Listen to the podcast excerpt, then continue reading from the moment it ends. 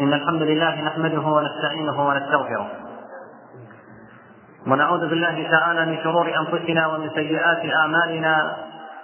من يهده الله فلا مضل له ومن يضلل فلا هادي له. وأشهد أن لا إله إلا الله وحده لا شريك له.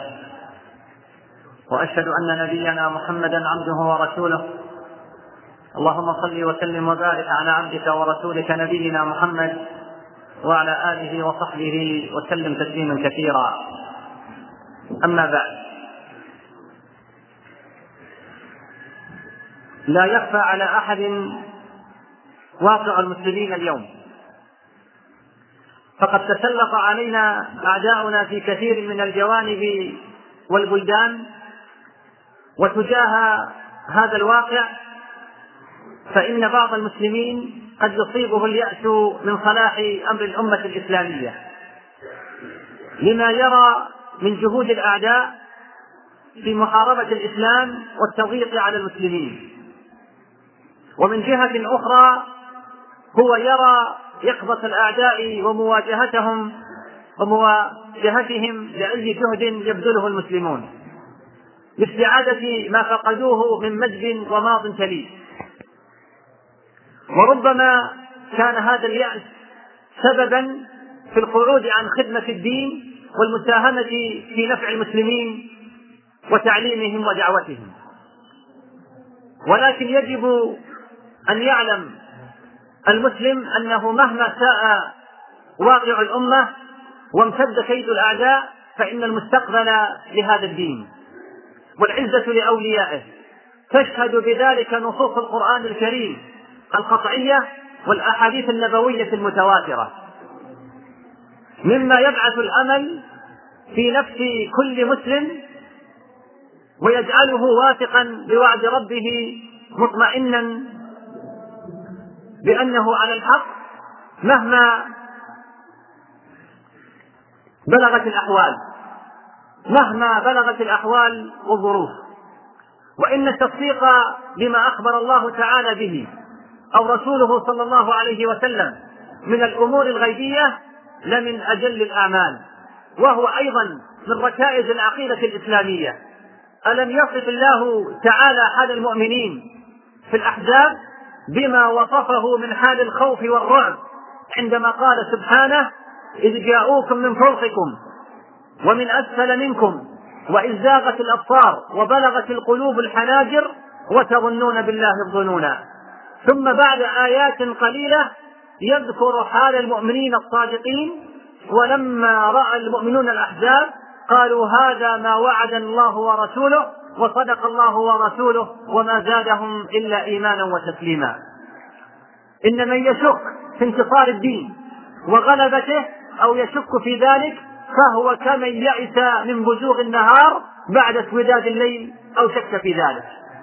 إليكم بعضا مما في كتاب ربنا وسنة نبينا صلى الله عليه وسلم مما يقطع بأن دين الله منصور وأهله ظافرون ولو بعد حين. فقد أشار القرآن إلى غلبة الدين وظهوره. قال الله تعالى يريدون ليطفئوا نور الله بأفواههم والله متم نوره ولو كره الكافرون. هو الذي أرسل رسوله بالهدى ودين الحق ليظهره على الدين كله ولو كره المشركون.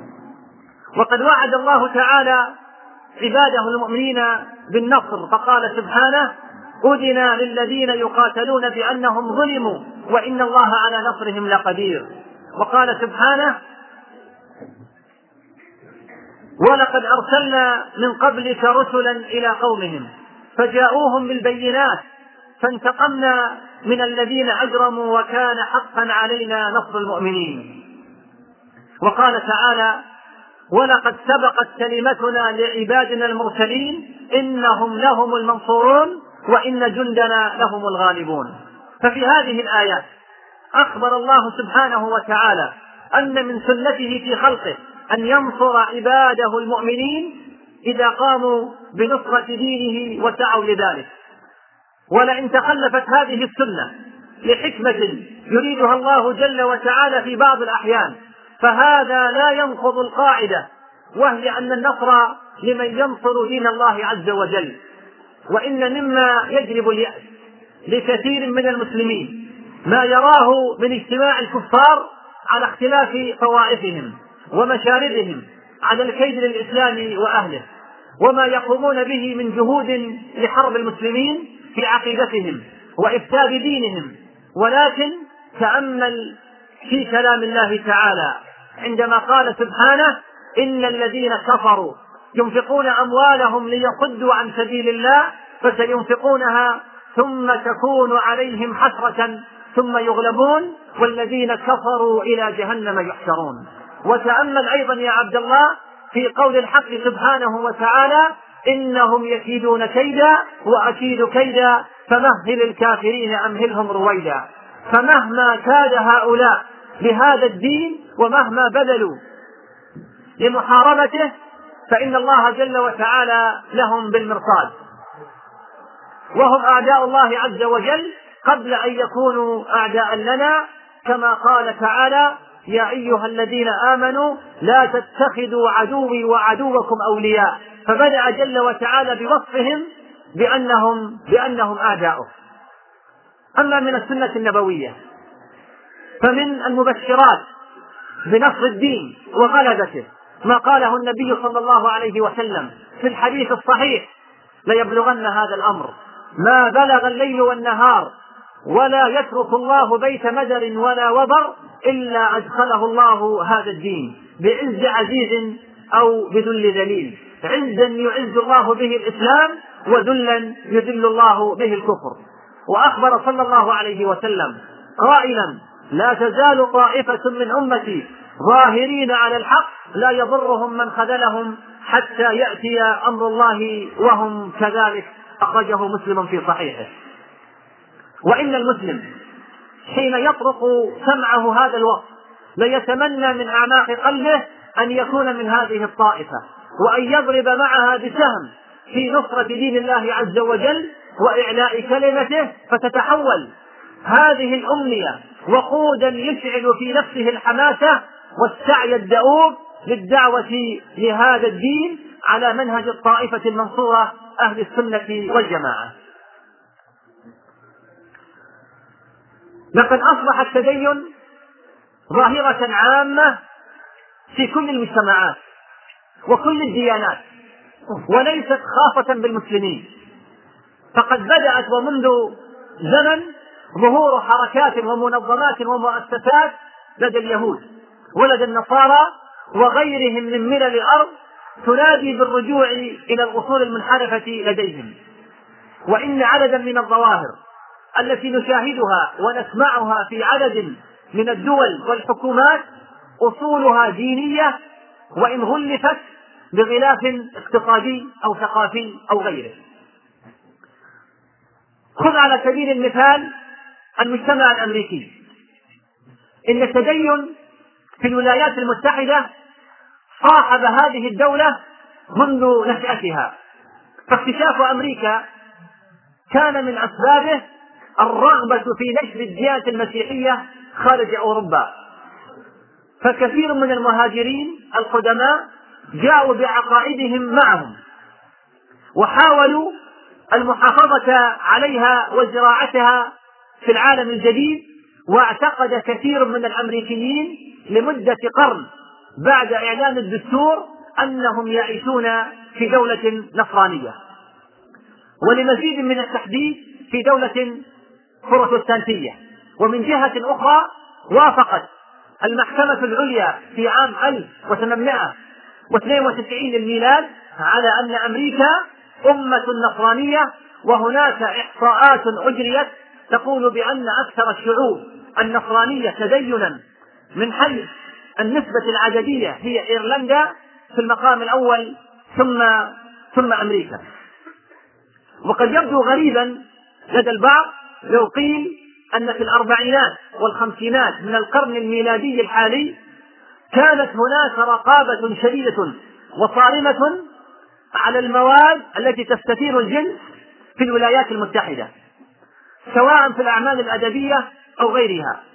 وكان ينظر في أمريكا للمسرح في أواسط القرن الماضي على أنه مدرسة للفساد والرذيلة. لكن هذا الوضع لم يعجب اليهود فأغرقوها في الفساد.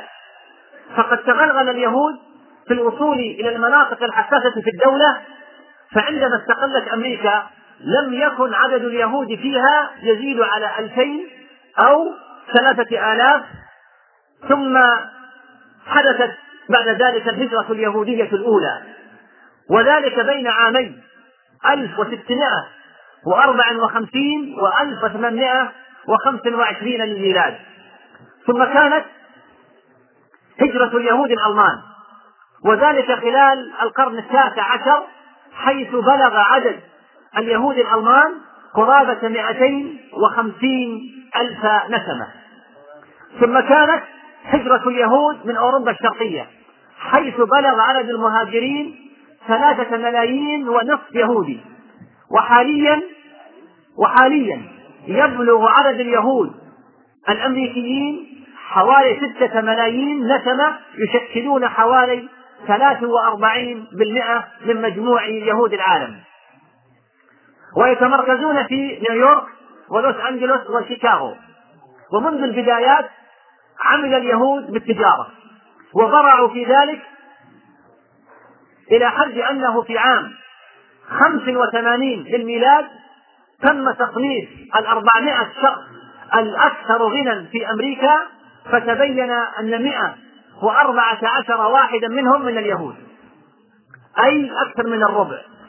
والأخطر من ذلك أنهم يهيمنون على كل ما يمت بصلة إلى صنع الأفكار وتسويقها من الجامعات إلى مراكز الأبحاث إلى مجمل وسائل الإعلام المقروءة والمسموعة والمرئية إضافة إلى السيطرة القوية على هليون حيث الصناعة السينمائية الأمريكية ويسيطرون على أكثر من 220 صحيفة يومية.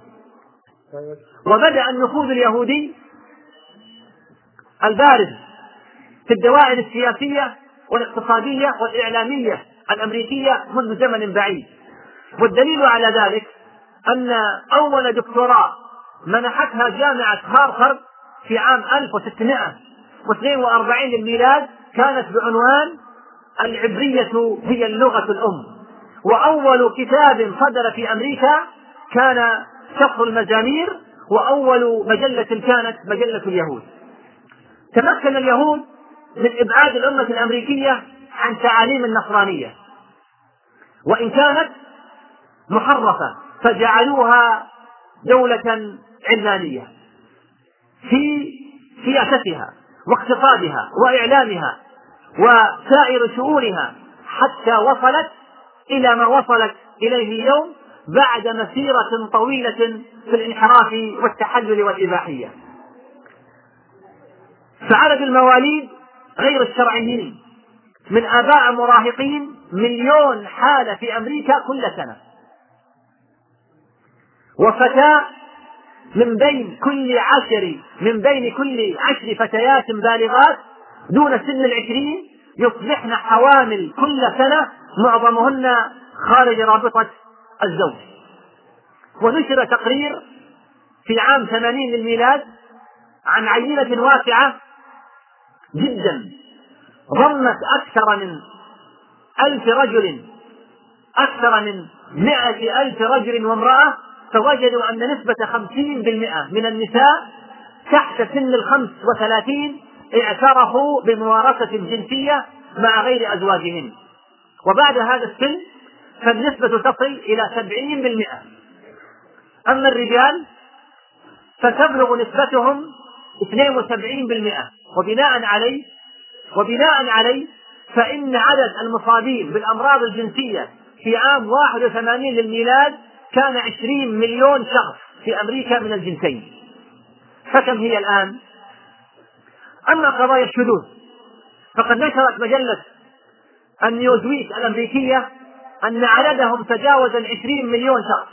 ومتوسط عمر الطلاب الذين يشربون الخمر في الولايات المتحدة هو ثلاثة عشرة سنة. والخسائر الأمريكية بسبب الخمر يقدر بحوالي 49 مليار دولار. واليوم هناك دعوات جادة. من بعض العقلاء للرجوع للرجوع إلى الدين.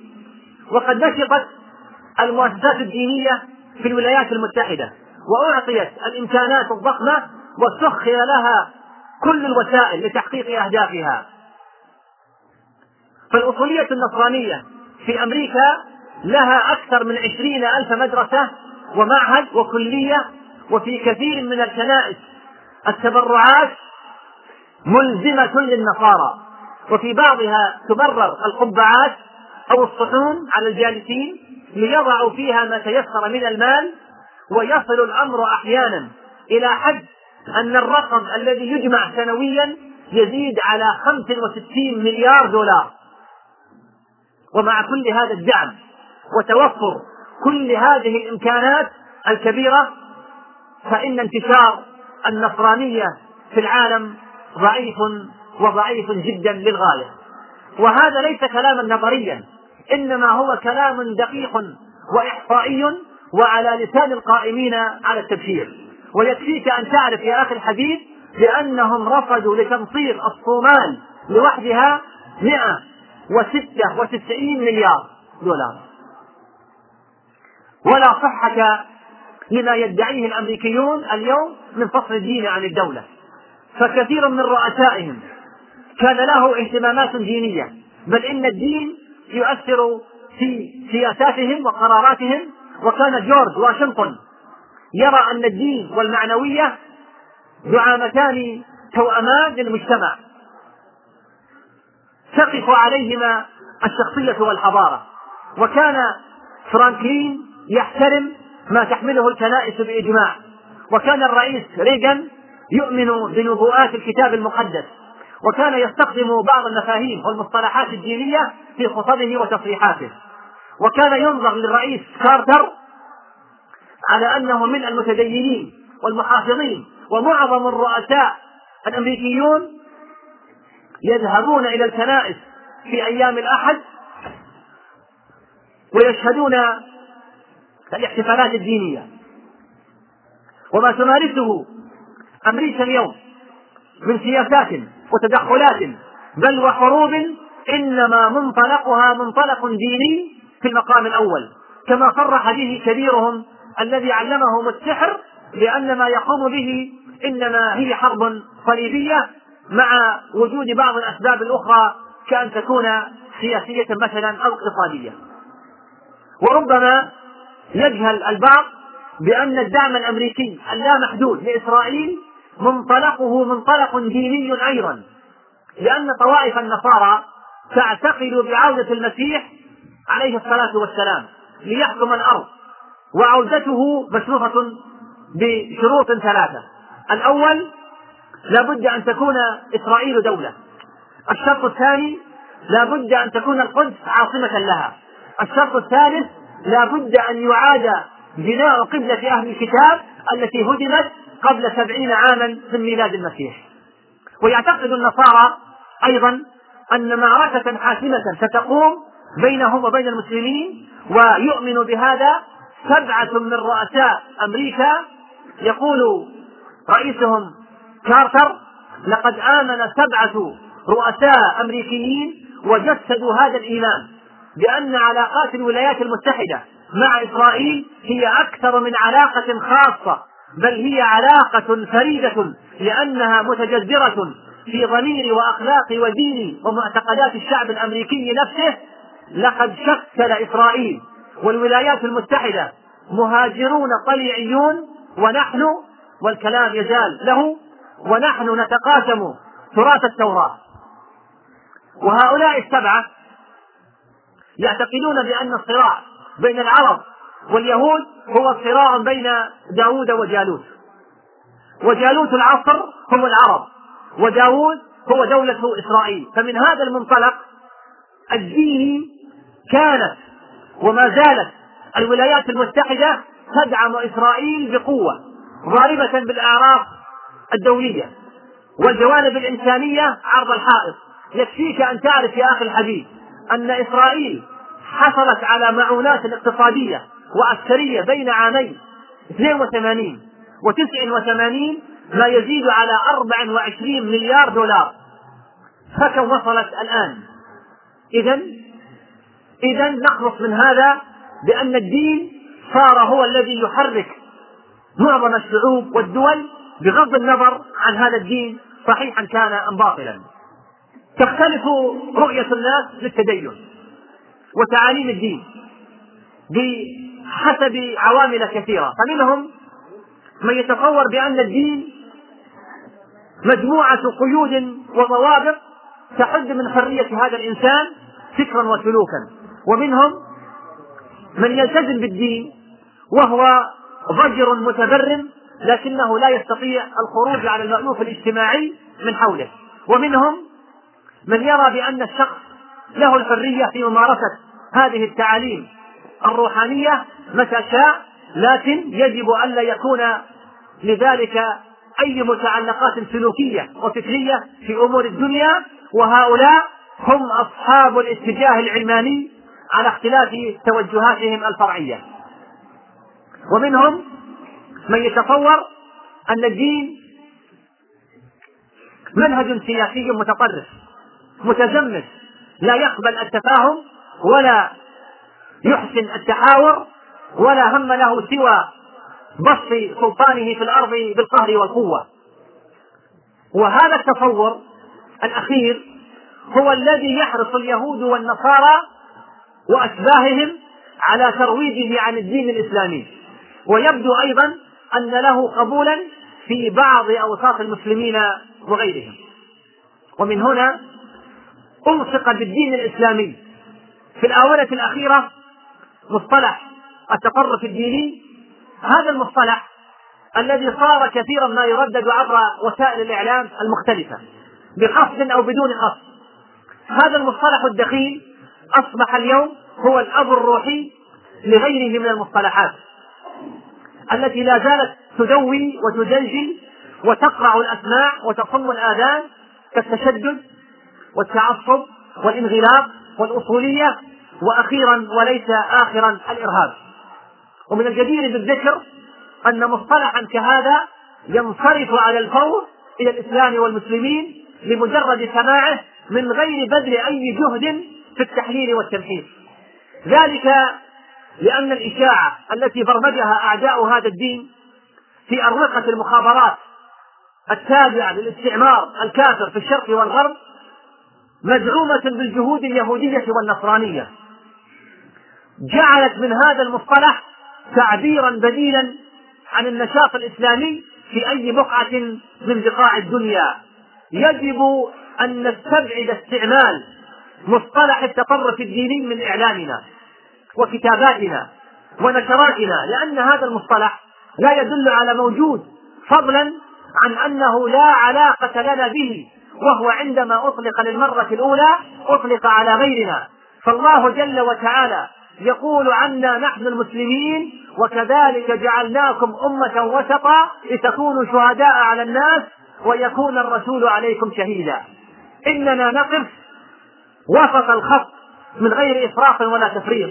وعندما يطلق العالم الكافر هذا المصطلح علينا فإنه لا يطلقه على فرد في المجتمع وإنما يرمي به جماعات ومجتمعات وحركات عريضة وعلماء أجلاء وقادة أفاضل ورموزا طاهرة قادت الأمة إلى الجهاد في سبيل الله في الليل الحالك لترفع سيف الاستعمار الآثم والصهيونية المجرمة والشيوعية المقبورة والصليبية الحاقدة على رقاب الأطفال ولتصون أعراض المسلمات في كل بقاع الدنيا من عدوان الصهاينة والصليبيين. لقد أصبحنا في العالم.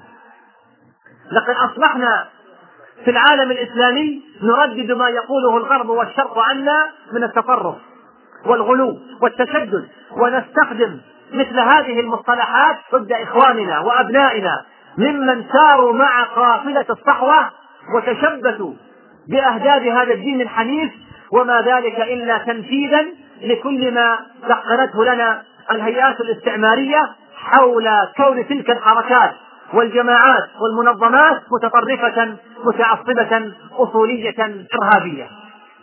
فسرنا وراءهم بحماس يفوق حماسهم. سرنا وراءهم شبرا بشبر وذراعا بذراع. ولو دخلوا جحر رب لدخلناه وراءهم كما قال رسول هذه الأمة صلوات ربي وسلامه عليه. لماذا لماذا قامت الدنيا ولم تقعد في فرنسا؟ عندما ارتدت بعض الطالبات المسلمات اللباس الإسلامي وبدأ الإعلام الآثم هنا يمارس سياسة التحرير ضد الإسلام والمسلمين ويصورهم على أنهم وحوش هذا العالم. وصار الخطاب عن التطرف الإسلامي والإرهاب الديني. أين هو التطرف؟ إننا لم نشاهد هذا الزخم الإعلامي. ولم نرقب مثل هذه التحذيرات المرعبة ولا أيضا طرقت أسماعنا الأحاديث المفزعة عن الإرهاب والتطرف والهمجية عندما خاضت سكاكين الصرب في بحور الدماء في البوسنة والهرسك إدارات المدارس والوزارات والحكومات والهيئات الشعبية هناك كلها وقفت تنادي بطرد العرب والمسلمين واليهود والنصارى دق الطبول لأن اللحن قد أعجبهم. الكل صار يهتف بنغمة متناسقة. تنادي بوقف التطرف الديني. لماذا لم نسمع شيئا والصهيونية اليوم؟ تمارس أبشع أنواع التطرف الديني على أرض فلسطين ويبيح لنفسه قتل الأطفال والنساء والشيوخ من منطلق ديني. فالسؤال فالسؤال هل التطرف كما صوره وتحدث عنه الإعلام الأوروبي من لبس فتيات للحجاب في مدارس فرنسا أم التطرف عندما قصفت الصواريخ والطائرات المدنيين في أفغانستان تحت مسمى عودة الحرب الصليبية من جديد؟ أين الإعلام الغربي كله عن هذا التطرف؟ يحتقر الإنسان الأسود في أمريكا. وتصل المعاملة في بعض الأحيان إلى حد القتل لا لدم سوى أن لونه أسود. سوى أن لونه أسود. ذلك هو التطرف. وتلك هي الجريمة والإرهاب والهمجية في عالم يدعي الحضارة واحترام الإنسان. وإذا أردت يا أخي الحبيب أن تدرك بعض المفارقات المضحكة فاعلم بأن البيض الأمريكان يصورون عيسى عليه الصلاة والسلام على أساس أنه أشقر ذو عينين زرقاوين. والسود الأمريكان يصورونه على أساس أنه أسود. أليس هذا هو التطرف في الدين؟ إن أولئك الذين يحاولون جاهدين. السير بقانون الله عز وجل في الناس. ليسوا متطرفين. وإنما هم بررة فضلاء أطهار. زكاهم ربهم. وأنس إليهم الناس. رغم الجهود المبذولة لعكس المصطلحات وتجريم الأبرياء وتبرئة المجرمين.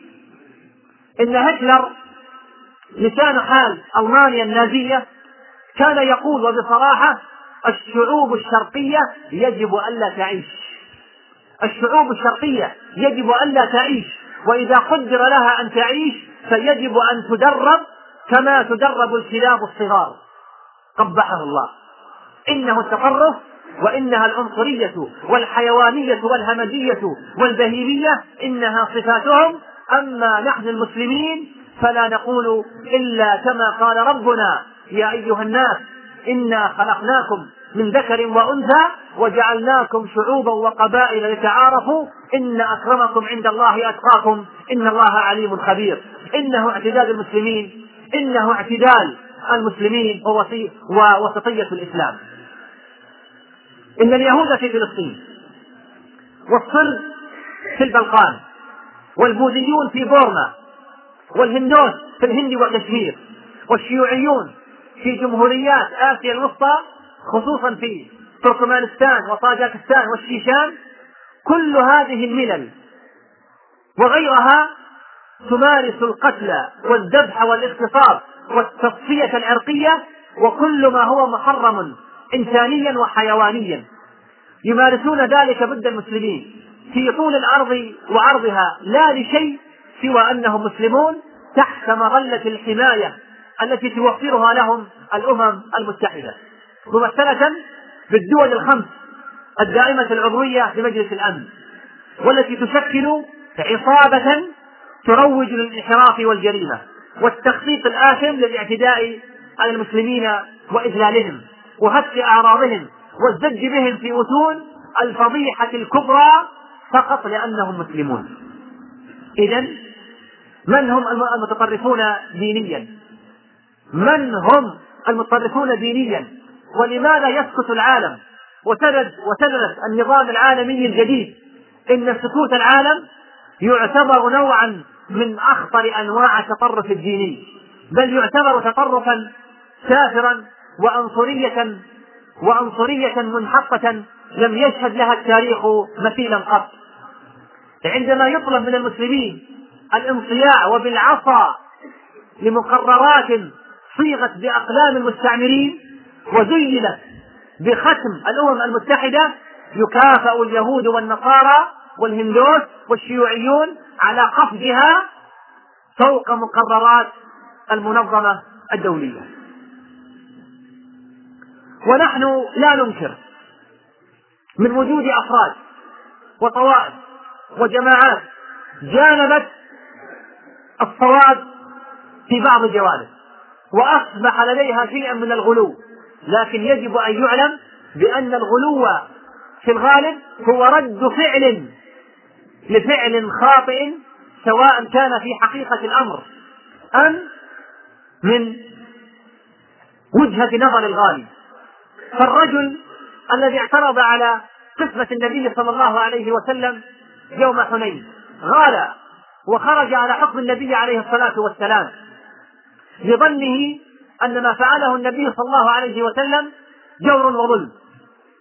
ولو أردنا أن نتعرف على بعض الأسباب التي بسببها حصل شيء من الغلو عند من يطلق عليهم أن عند من يطلق عليهم.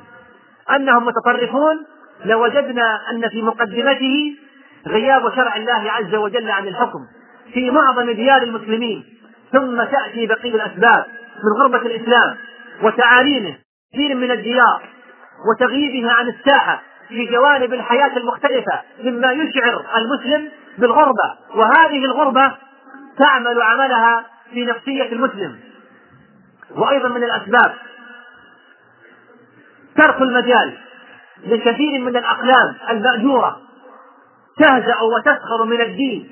عليه عبر مقالات في طول العالم الإسلامي وعرضه. وأيضا انتشار الفساد والتحلل الخلقي. فنتيجة للسماع بالتيار الغربي أن يكتسح ديار المسلمين انتشرت المبادئ. وتحلل كثير من الناس من القيم الأخلاقية. وانتشرت الفواحش ولا يملك الصالحون القدرة على التغيير. وأيضا سوء الأوضاع الاقتصادية مما قد يسبب الانفجار عند البعض. وأيضا من الأسباب غياب دور العلماء في كثير من الأصقاع والتخلي عن مهامهم وعدم التصدي لقضايا الأمة الكبار. والأسوأ انحراف بعضهم والعياذ بالله باحتراف العلم. حيث اتخذوه مهنة ولم يتخذوه رسالة. وقد يستثمر البعض التدين فيما يحقق له المصالح والمنافع الشخصية ولا سيما في المجتمعات التي تحترم الدين وأهله مما يجعل الشخص يسعى إلى كسب ثقة الناس ومودتهم من خلال التظاهر بالدين أو المبالغة في التمسك ببعض جوانبه فيما يبدو للناس. وغيرها من الأسباب التي تولد العديد من التصرفات الخاطئة ومع كل هذا فينبغي أن يعلم بأن ظاهرة التدين في ديار المسلمين ليست ظاهرة عابرة. إن التدين في ديار المسلمين ليست ظاهرة عابرة يمكن وجهها يمكن وعدها بسياق الترهيب أو التحريف. بل هي ظاهرة متأصلة في دي في ديارنا متجذرة في شعوبنا. نعم ربما تنجح السجون في قهر الشعوب وتحطيم كرامتها لكنه نجاح هزيل عابر لا يصمد طويلا أمام قوة الإيمان وصلابه أهل القرآن. ولهذا نذكر أولئك الذين أسرفوا على أنفسهم بالبغي والعدوان بقول الحق جل وعلا قل من كان في الضلالة فليمدد له الرحمن مدا حتى إذا رأوا ما يوعدون إما العذاب وإما الساعة فسيعلمون من هو شر مكانا وأضعف جندا. إن العلمانيين لا يرون شيئا في الإسلام يمكن أن يطلق عليه اعتدالا. فالإسلام والتطرف لديهم مترادفان أبدا. إن التيار العلماني يعتبر المتدين خارجا من دائرة الثقافة. واصطلحوا على أن المثقف لا بد أن يجعل الدين وراءه ظهريا. مع أن الثقافة في لغة المعاجم تقوم على أركان. من أهمها العلم والدين. ولذلك فإنه بإمكاننا أن نحكم على الثقافة بالمفهوم الحالي أنها في أزمة قاتلة.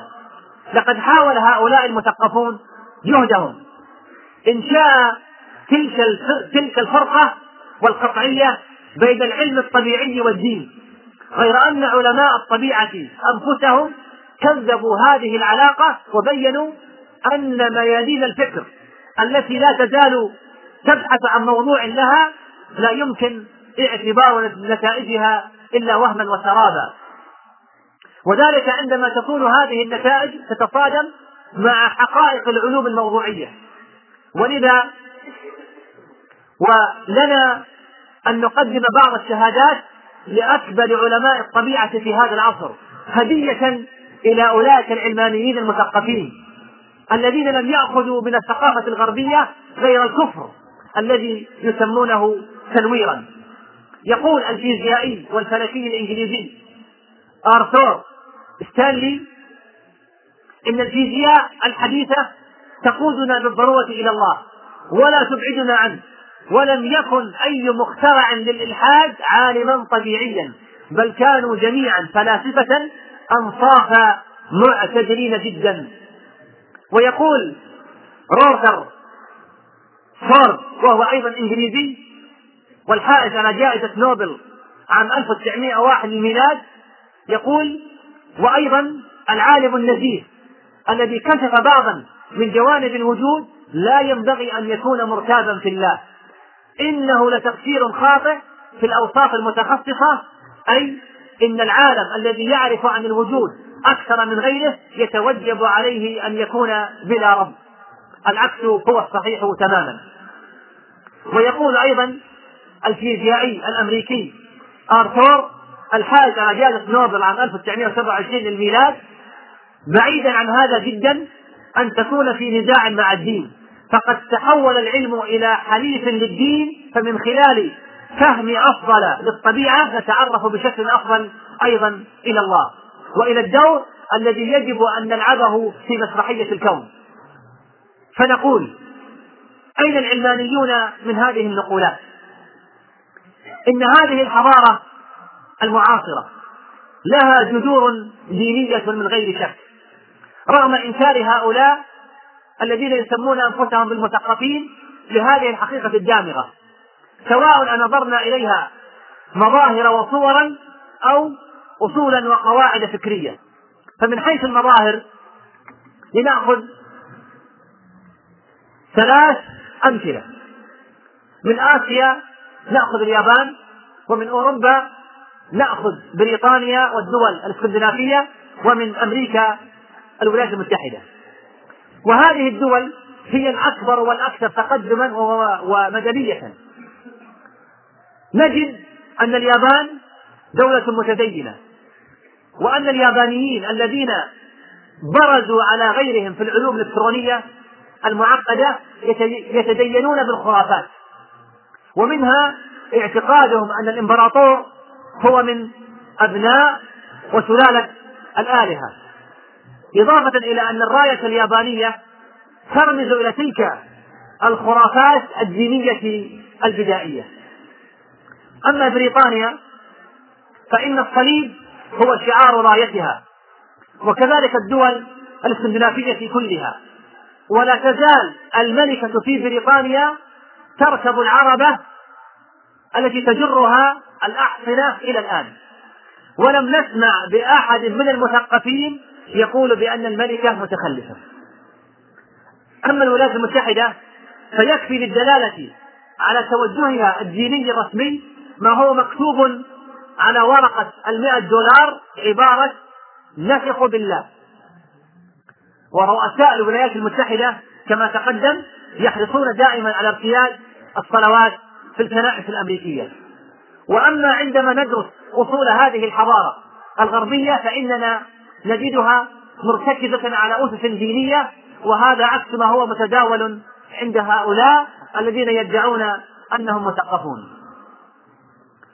وأما المسلمون بوضعهم الحالي فإنه ليس لديهم ما يدخلون به إلى القرن القادم ولا يملكون من الأشياء المادية والنظريات العلمية ما يجعلهم يساهمون في صياغة الاستراتيجية القادمة إلا أنهم في الحقيقة يمتلكون شيئا هو أسمى من كل هذه الماديات والتقنيات المذهلة إنهم يملكون هذا الدين الإسلامي العظيم الذي تفتقر إليه المدنية الغربية. وبعبارة أخرى إنهم يمتلكون دواء خطيرا من شأنه أن يعالج مشاكل هذا الإنسان التي تقوده إلى الشقاء والانتحار والبؤس المعنوي إنهم باختصار يملكون قوة المستقبل. فلنتساءل هل حققت المدنية الغربية بوضعها الراهن السعادة لهذا الإنسان؟ نشعر دائما بأن العلم وتطبيقاته قد انحرف عن وظيفته الإنسانية المتمثلة في خدمة قضايا الإنسان من حيث هو إنسان. بل إننا نجد شياطين الفكر الغربي وفلاسفته قد وضعوا للناس مسلمة هي أن العلم والدين ضدان لا يلتقيان. فإما أن نأخذ بتلابيب الدين ونتمسك به فنبقى في تخلف دائم وإما أن نترك الدين لكي نرقى في سلم المجد والرقي المادي والتقنية الحديثة لنصل إلى درجة من الرفاهية تمكننا من تلبية رغباتنا وشهواتنا إلى أبعد الحدود.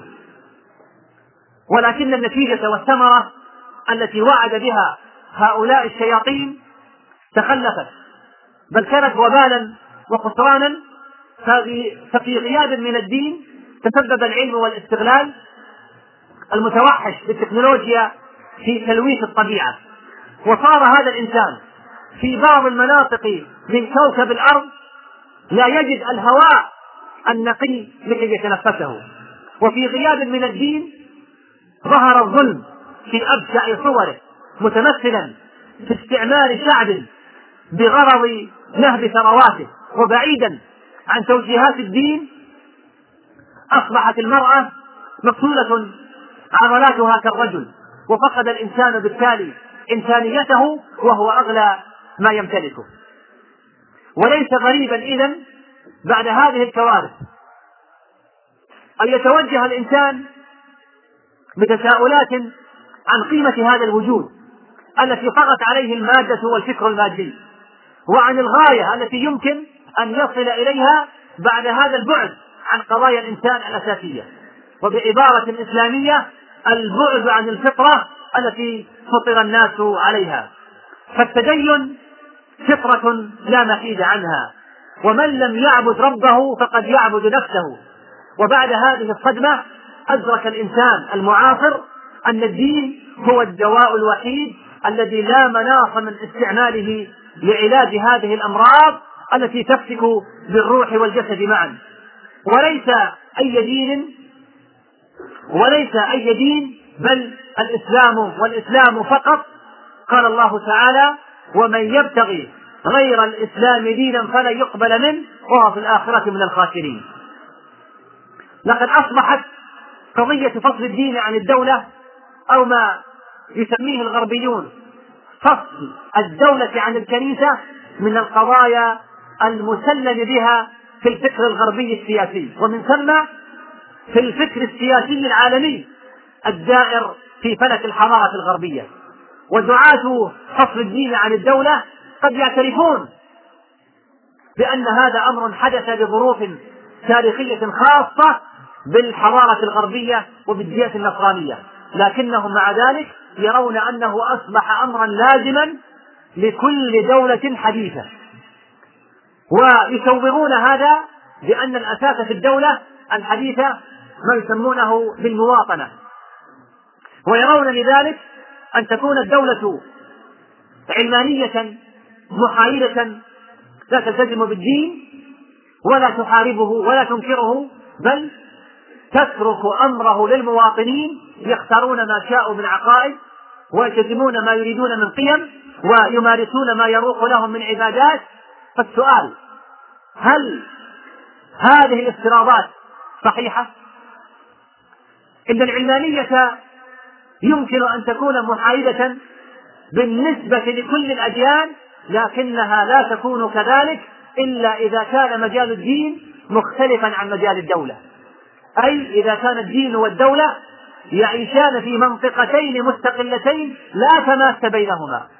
وأن يكون الدين محصورا بطبعه في بعض المعتقدات وبعض الشعائر التعبدية. وبعض أنواع السلوك الشخصي الذي لا علاقة له بتغيير واقع الناس. ولا يدخل ولا يدخل لذلك في مجال الدولة. لكن الواقع أن هذا الوصف لا ينطبق على أي من الأديان الكبيرة المشهورة الآن في العالم الإسلام واليهودية والنصرانية. فما منها إلا وله حكم في العلاقات بين الجنسين وفي العلاقات الأسرية والاجتماعية. وفيما يحل أكله وشربه وما يحرم وهكذا. وكلها أمور تدخل بالضرورة في مجال الدولة بل إن العلمانية اليوم لم تعد محايدة بين الأديان بل صارت هي نفسها دينا يدافع عنه أصحابه ويحاربون به سائر الملل. وأخيرا من العجب أن الكثير من المخلوقات عدا ابن آدم عدا ابن آدم قد كملت في تدينها وعبوديتها لله جل شأنه وخضوعها له وذلها لقهره وربوبيته وألوهيته إلا بعض المخلوقات العاصية كالشياطين وعصاة الجن وبعض الدواب كالوزغ الذي قال عنه النبي صلى الله عليه وسلم اقتلوا الوزغ فإنه كان ينفخ النار على أبينا إبراهيم. أعطيك يا أخي الحبيب بعض صور التدين عند بعض المخلوقات. فمثلا هذا الديك يدعو للخير والفلاح. فقد قال النبي صلى الله عليه وسلم لا تسبوا الديك فإنه يدعو إلى الصلاة. رواه أحمد وأبو داود. والفرس قال عنه النبي صلى الله عليه وسلم ليس من فرس عربي إلا يؤذن له مع كل فجر يدعو بدعوة يقول اللهم إنك خولتني من خ... اللهم إنك خولتني من خولتني من ابن آدم فاجعلني من أحب أهله وماله إليه فيقول صلى الله عليه وسلم إن هذا الفرس قد استجيب له دعوته رواه الإمام أحمد.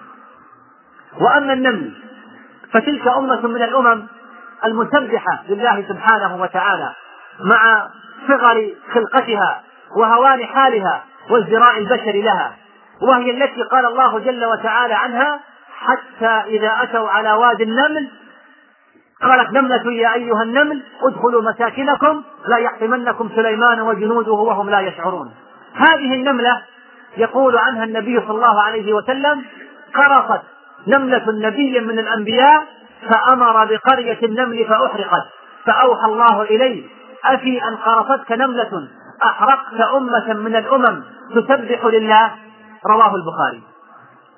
وأما الشجر فقد قال الله عنه والنجم والشجر يسجدان. وروى ابن ماجه عن رسول الله صلى الله عليه وسلم أنه قال ما من ملب يلبي إلا لبى ما عن يمينه وشماله من حجر أو شجر أو مدر حتى تنقطع الأرض من ها هنا وها هنا.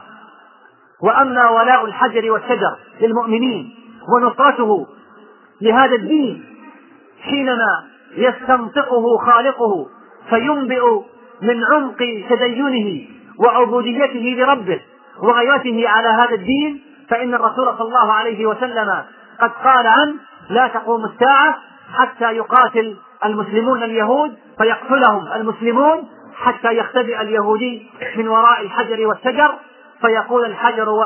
فيقول الحجر أو الشجر يا مسلم يا عبد الله هذا يهودي خلفي تعال فاقتل رواه البخاري.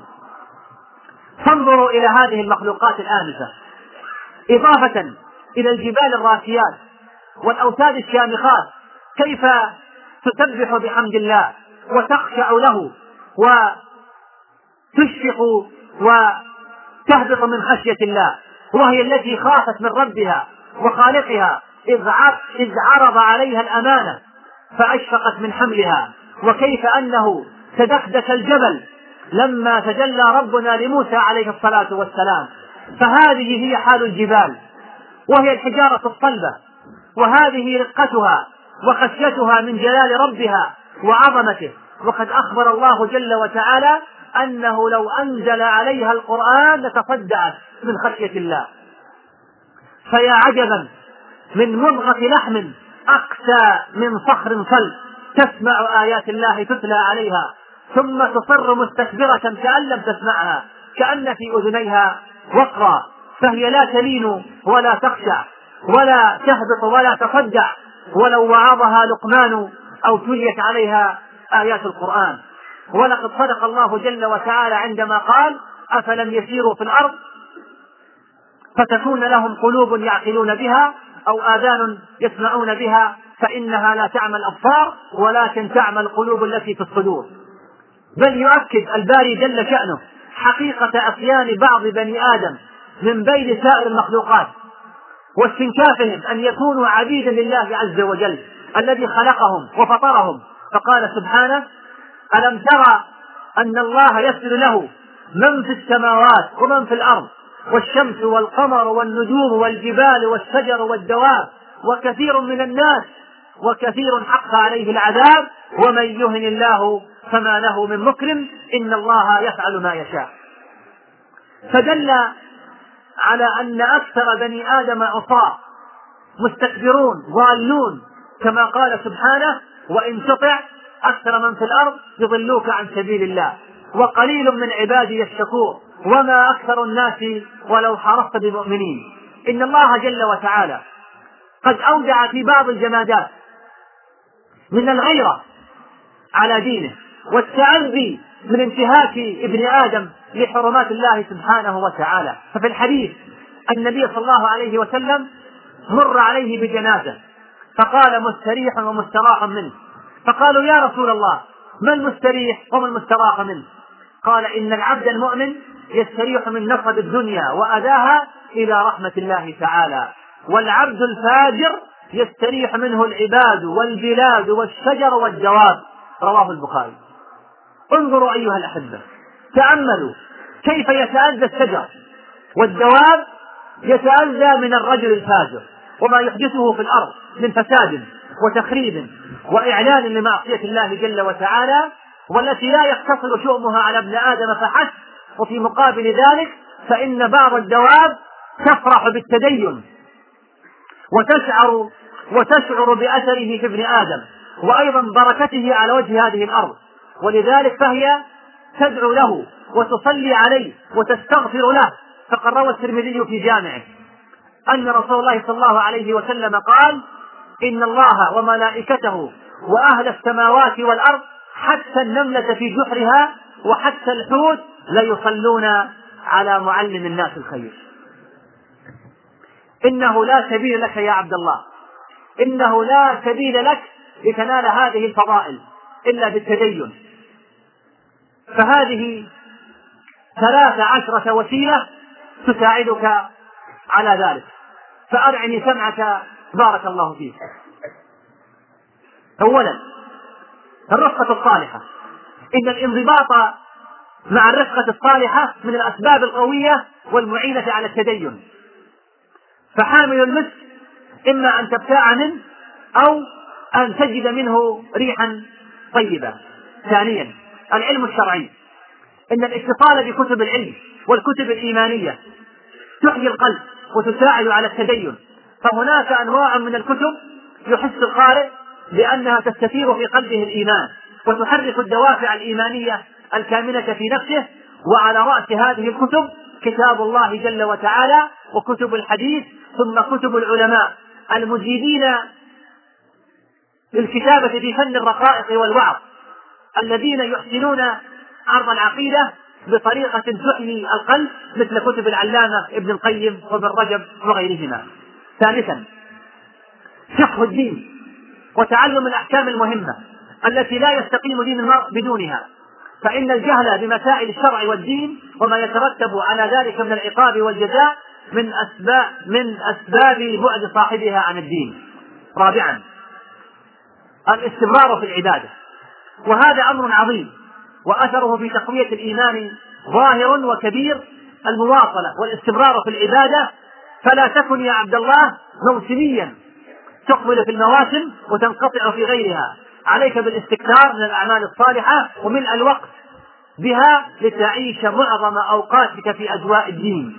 خامسا النظر في موعود الله عز وجل لمن تمسك بدينه واستقام على شرعه وأعظم موعود الله جل وتعالى جنة عرضها السماوات والأرض إضافة إلى رضا الرحمن والنظر إلى وجه الكريم الديان ثالثا حفت الجنة بالمكاره. فالجنة دخولها مشروط بتحمل المكاره والتدين يكون في بدايته تحمل مكاره وقبض على الجمر ثم يتحول بعد ذلك سرورا ولذة. سابعا التدبر في سير المتدينين. وكيف عاشوا حياة كريمة وختمت لهم بخاتمة حسنة. ونالوا رضا الله عز وجل ورضا الناس. ثامنا العيش في البيئة النظيفة. من أكبر المعوقات وجود الإنسان في وسط يعد بالمعاصي. فهذا يتباهى بمعصية قد ارتكبها وآخر يترنم بألحان أغنية وكلماتها. وثالث يدخن. ورابع يبسط مجلة ماجنة. وخامس لسانه منطلق باللعن والسباب والشتائم وهكذا. أما القيل والقال والغيبة والنميمة وأخبار المباريات فمما لا يحصى كثرة. كيف يريد أن يتدين والجو مليء بالفيروسات؟ فعليك يا أخي بالدخول في الأجواء الإيمانية فإن هذا مدعاة للتدين. تاسعا البعد عن فتن الشبهات والشهوات فإن ضررهما على الدين لا نهاية له ولا حد. عاشرا العزلة الإيمانية والانقطاع عن الناس لبعض الوقت والتفرغ لأداء بعض العبادات في جو بعيد عن صخب الناس. الحادي عشر تعظيم الله جل وعز. فإن استشعار عظمة المولى سبحانه وتعالى ومعرفة أسمائه وصفاته والتدبر فيها وعقل معانيها واستقرار هذا الشعور في القلب وسريانه إلى الجوارح مما يعين كثيرا فالقلب ملك الآراء وهو سيدها فإذا صلح صلحت وإذا فسد فسدت الثاني عشر أن يكثر العبد من المحاسبة. محاسبة النفس مهمة في تجديد الإيمان. يقول الله جل وتعالى يا أيها الذين آمنوا اتقوا الله ولتنظر نفس ما قدمت لغد. وقال عمر الخطاب رضي الله عنه حاسبوا أنفسكم قبل أن تحاسبوا. وقال ابن القيم رحمه الله تعالى هلاك النفس من إهمال محاسبتها ومن موافقتها واتباع هواها. الثالث عشر وأخيرا التخفف من التعلق بالدنيا وشهواتها. التخفف من التعلق بالدنيا وشهواتها. فإن التعلق بالدنيا والشغف بها والاسترواح إليها إلى درجة أن يحس بالألم إذا فاته شيء من حظوظها كالمال والجاه والمنصب والمسكن من أخطر الأمور على دين الرجل ويعتبر نفسه سيء الحظ ويحس بألم أكثر إذا رأى أخاه المسلم قد نال بعض ما فاته هو من حظوظ الدنيا والحمد لله أولا وآخرا وظاهرا وباطنا وأصلي وسلم على عبده ورسوله نبينا محمد وعلى آله وصحبه وسلم تسليما كثيرا.